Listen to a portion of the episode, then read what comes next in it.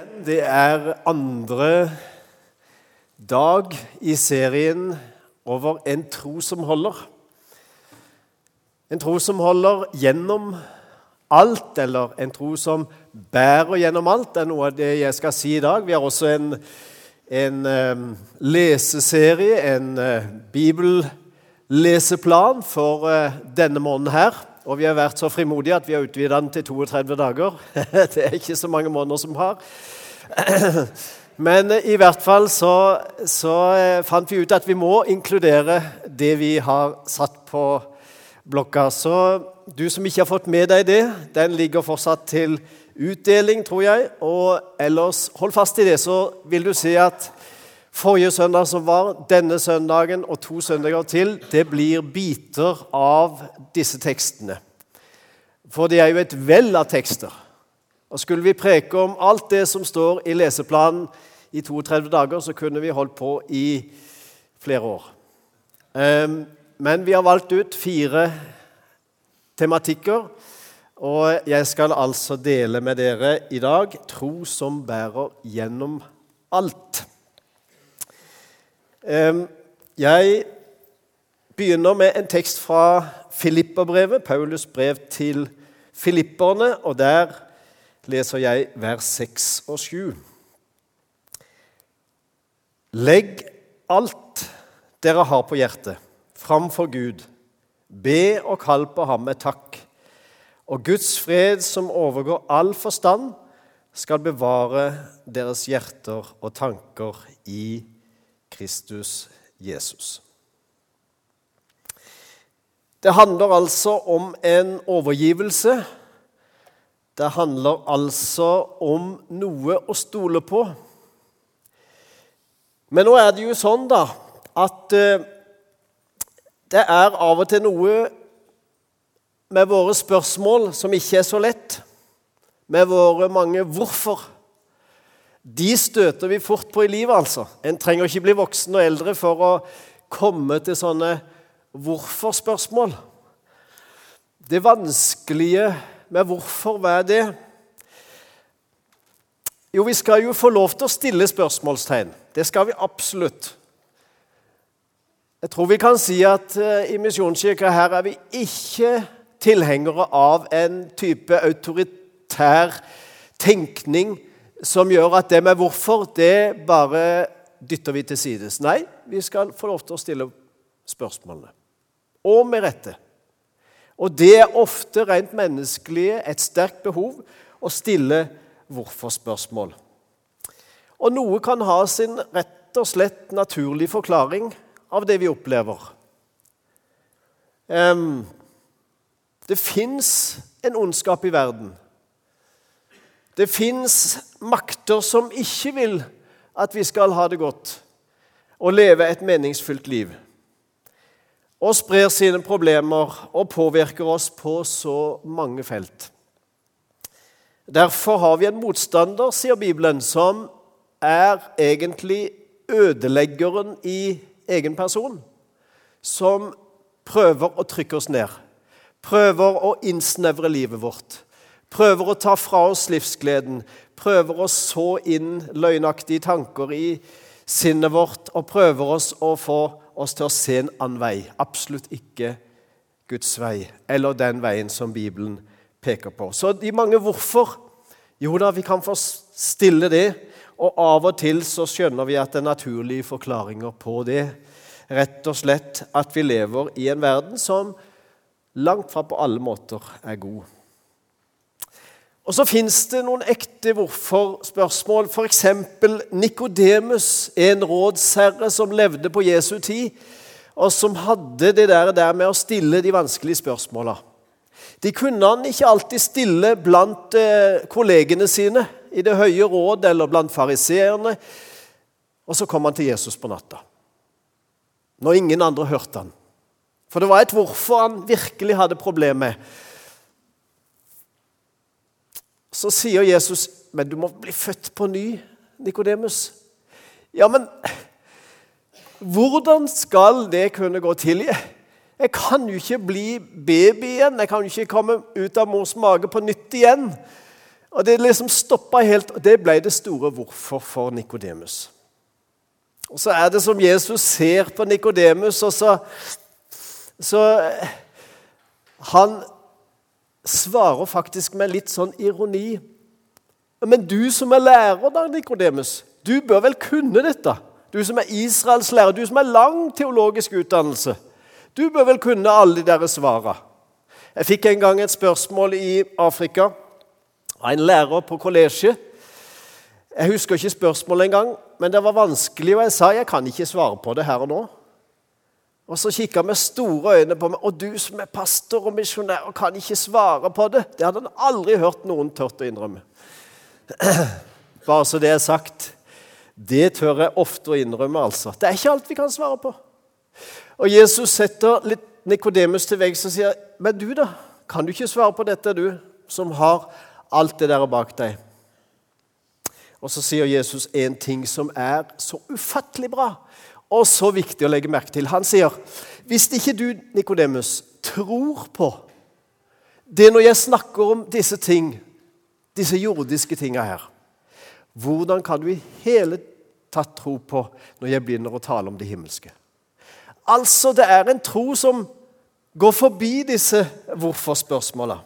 Så Jesus åpner en slags annen vei for Nikodemus. Ikke gjennom det logiske, ikke gjennom lærdommen, men gjennom Guds visdom. Gjennom det som er, går over vår tanke og forstand. Vi skal få lov til å komme med våre spørsmål.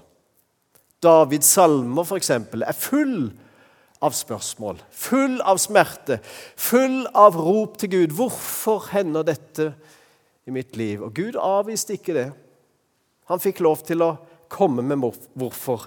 Men så fikk også David disse gode, retningsgivende svara som han trengte. Og la oss se litt på det. For det går en vei fra hvorfor til hvem eller hvordan. Og det er der Jesus ønsker å lede oss. Etter Bibelen, i hvert fall. Og hvis vi tror på den, så ser vi at det er ikke det store hvorfor Jesus vil svare på, men han leder oss en annen vei. Og så må vi spørre hvem, eller hvordan, eller hvor? Altså en retningsendring, et retningssvar, en annen vei. Det fins en annen vei. Jesus pøker på dette for Nikodemus. Hvem kan vi gå til med våre store spørsmål? Tilbake til teksten i dag. Jo, legg alt dere har på hjertet, framfor Gud i bønn med takk. Og da står det alt, altså. Alt. Det fins altså ikke én ting som er Gud uvedkommende, eller som er på en måte for lite eller for stort eller for vanskelig eller for komplisert til å komme med til Gud. Alt vi har på hjertet. Og så svarer han ikke alltid slik vi tror, at vi må ha en god forklaring. Nei, en tro som bærer, det er den jeg vil snakke om. En tro som bærer og skaper fred. Jeg leste nylig om ei eh, godt voksen dame som hadde mista sin sønn. Han fikk en alvorlig sykdom. Han fikk leve fire-fem måneder, og så døde han. Hun var en troende. Sønnen var gift. Han hadde to små barn. Og Her var det altså barn som hadde mistet sin far. Her var det en kone som hadde mista sin mann, og her var det en mamma og pappa som hadde mista sin sønn. Og Det mest nærliggende å spørre om var nok et 'hvorfor, Gud'? Nå som det så så lovende ut, nå som liksom livet smilte og det var lagt en god vei framover, og så skjer dette her. Og så sier hun og jeg tror det er veldig klokt sagt.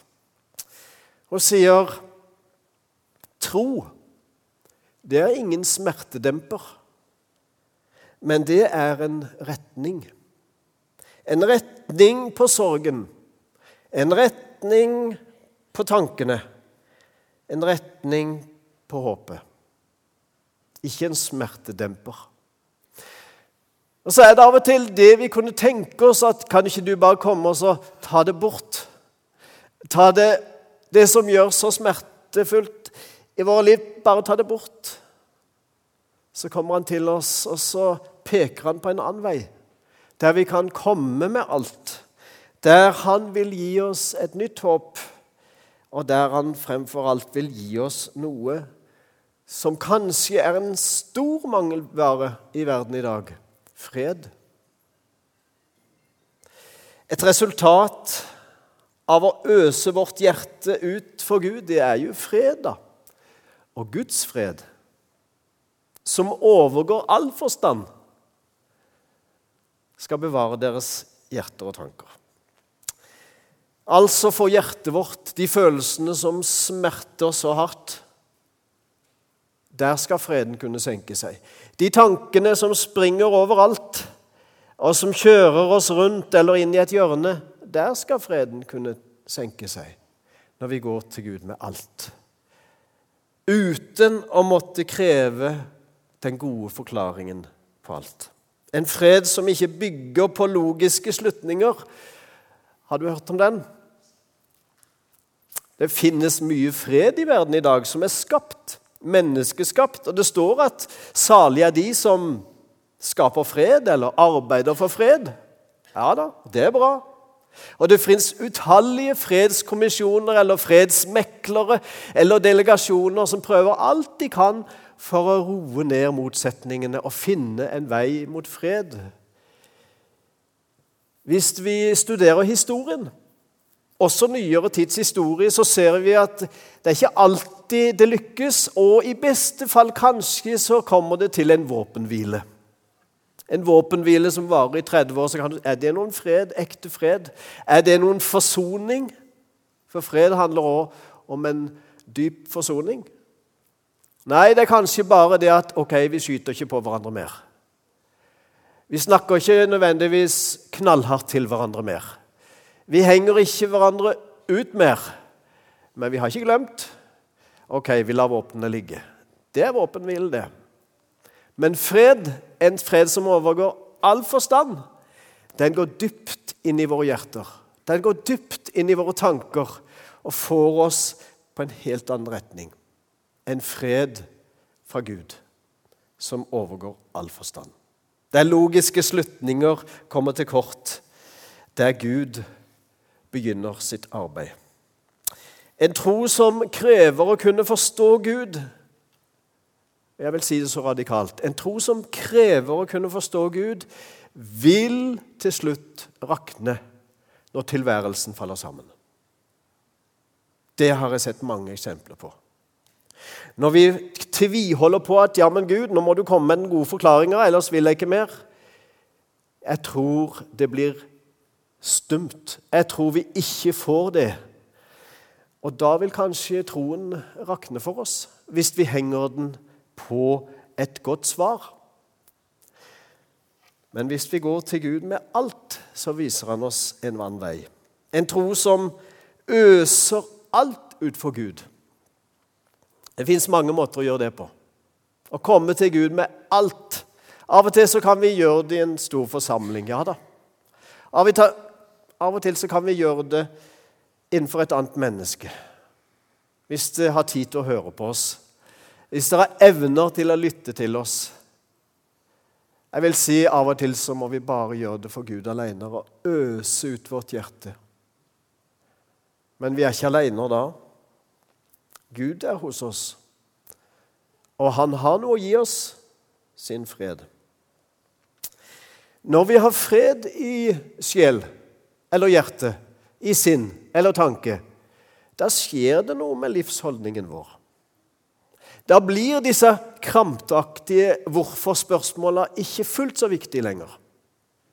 Da blir det egentlig sidelinjestoff. Og så blir det å falle til ro for Gud at han har nok en større oversikt enn jeg. Jeg forstår det ikke. Jeg har ikke noen god forklaring men jeg hviler i Gud likevel. Og jeg kan komme til Han med alt. En tro som bærer gjennom alt.